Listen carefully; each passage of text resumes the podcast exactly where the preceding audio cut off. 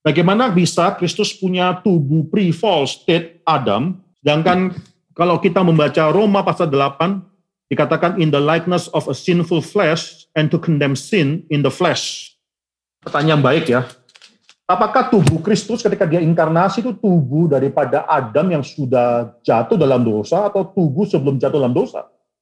Ya, coba kita perhatikan Roma pasal 8 ayat yang ketiga. Sebab apa yang tidak mungkin dilakukan oleh hukum Taurat karena tak berdaya oleh daging telah dilakukan oleh Allah dengan jalan mengutus anaknya sendiri dalam daging. Yang serupa dengan daging yang dikuasai dosa karena dosa. Kita menjatuhkan hukuman atas dosa di dalam daging.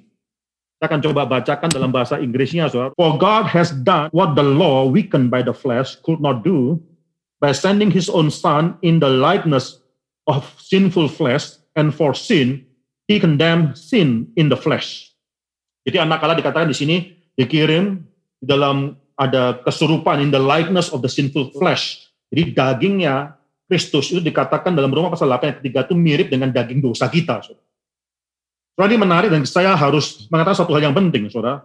Sampai pada abad ke-19, ya humanity daripada Kristus dipertanyakan sebelumnya orang-orang percaya bahwa Kristus datang dalam tubuh yang bukan sudah terjangkit oleh dosa. Tubuhnya Kristus itu berbeda dengan tubuhnya kita.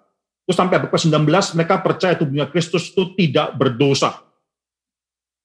Maka di sini saudara mulai dari abad ke-19 ada seorang teolog namanya Edward Irving, dia adalah seorang teolog dari Scotland yang pertama kali yang mengatakan atau mengutarakan propose bahwa tubuhnya Kristus adalah tubuh yang sudah jatuh dalam dosa mirip dengan tubuhnya kita. Saudara.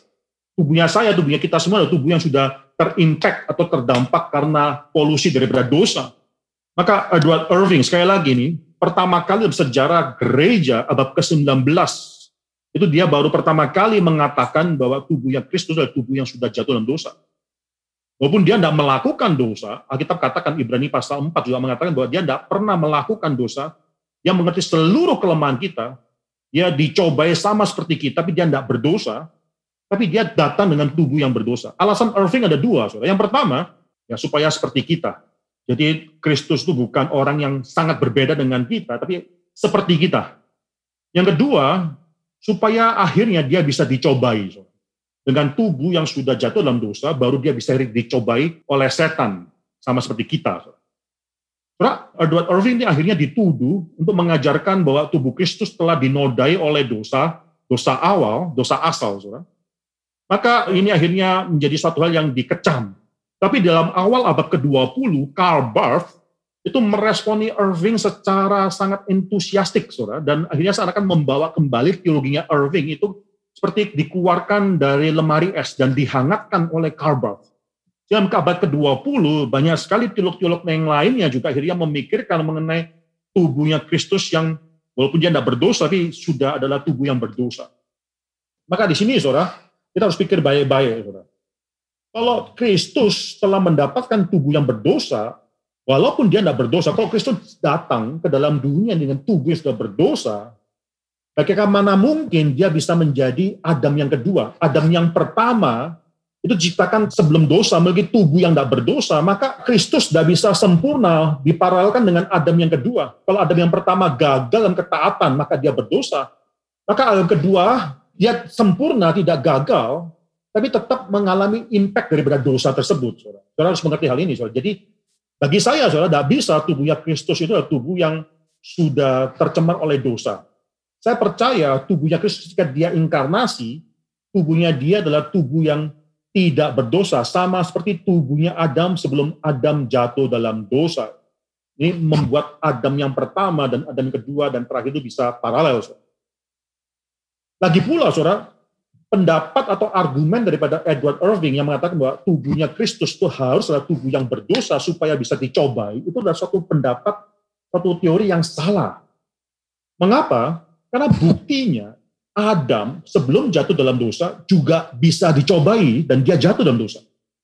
Sekali lagi saudara, Adam sebelum jatuh dalam dosa dengan tubuh yang tidak pernah mengalami dosa tersebut, toh faktanya dia dicobai oleh iblis, oleh ular, dan dia akhirnya jatuh dalam dosa. Maka bisa dicobai atau tidak, itu tidak tergantung dengan tubuh yang kita miliki. Apakah tubuh itu adalah tubuh yang sudah berdosa atau tidak. Maka daripada ini, saudara, mari kita perhatikan Roma pasal 8 ayat 3 sekali lagi, saudara. Dengan jalan mengutus anaknya sendiri dalam daging, yang serupa dengan daging yang dikuasai dosa karena dosa. Sini kata penting sini adalah tubuhnya Kristus tersebut, dagingnya tersebut adalah serupa dengan daging kita yang dikuasai oleh dosa karena dosa.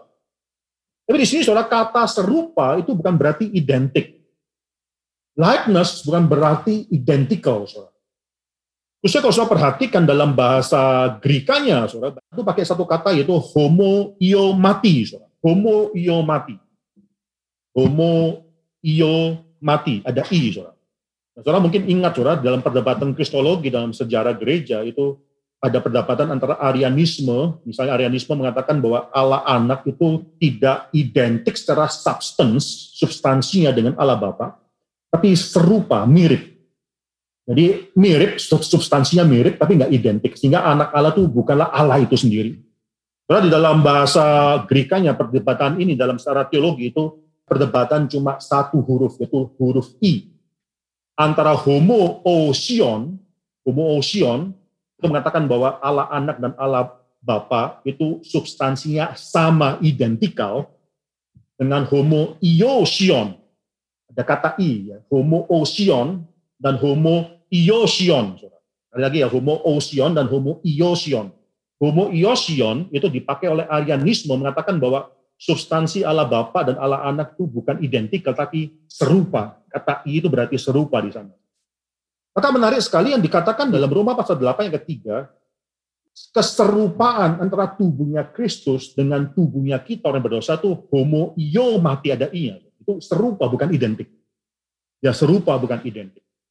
Maka in the likeness of the sinful flesh bukan berarti identical in the sinful flesh, bukan. Saudara.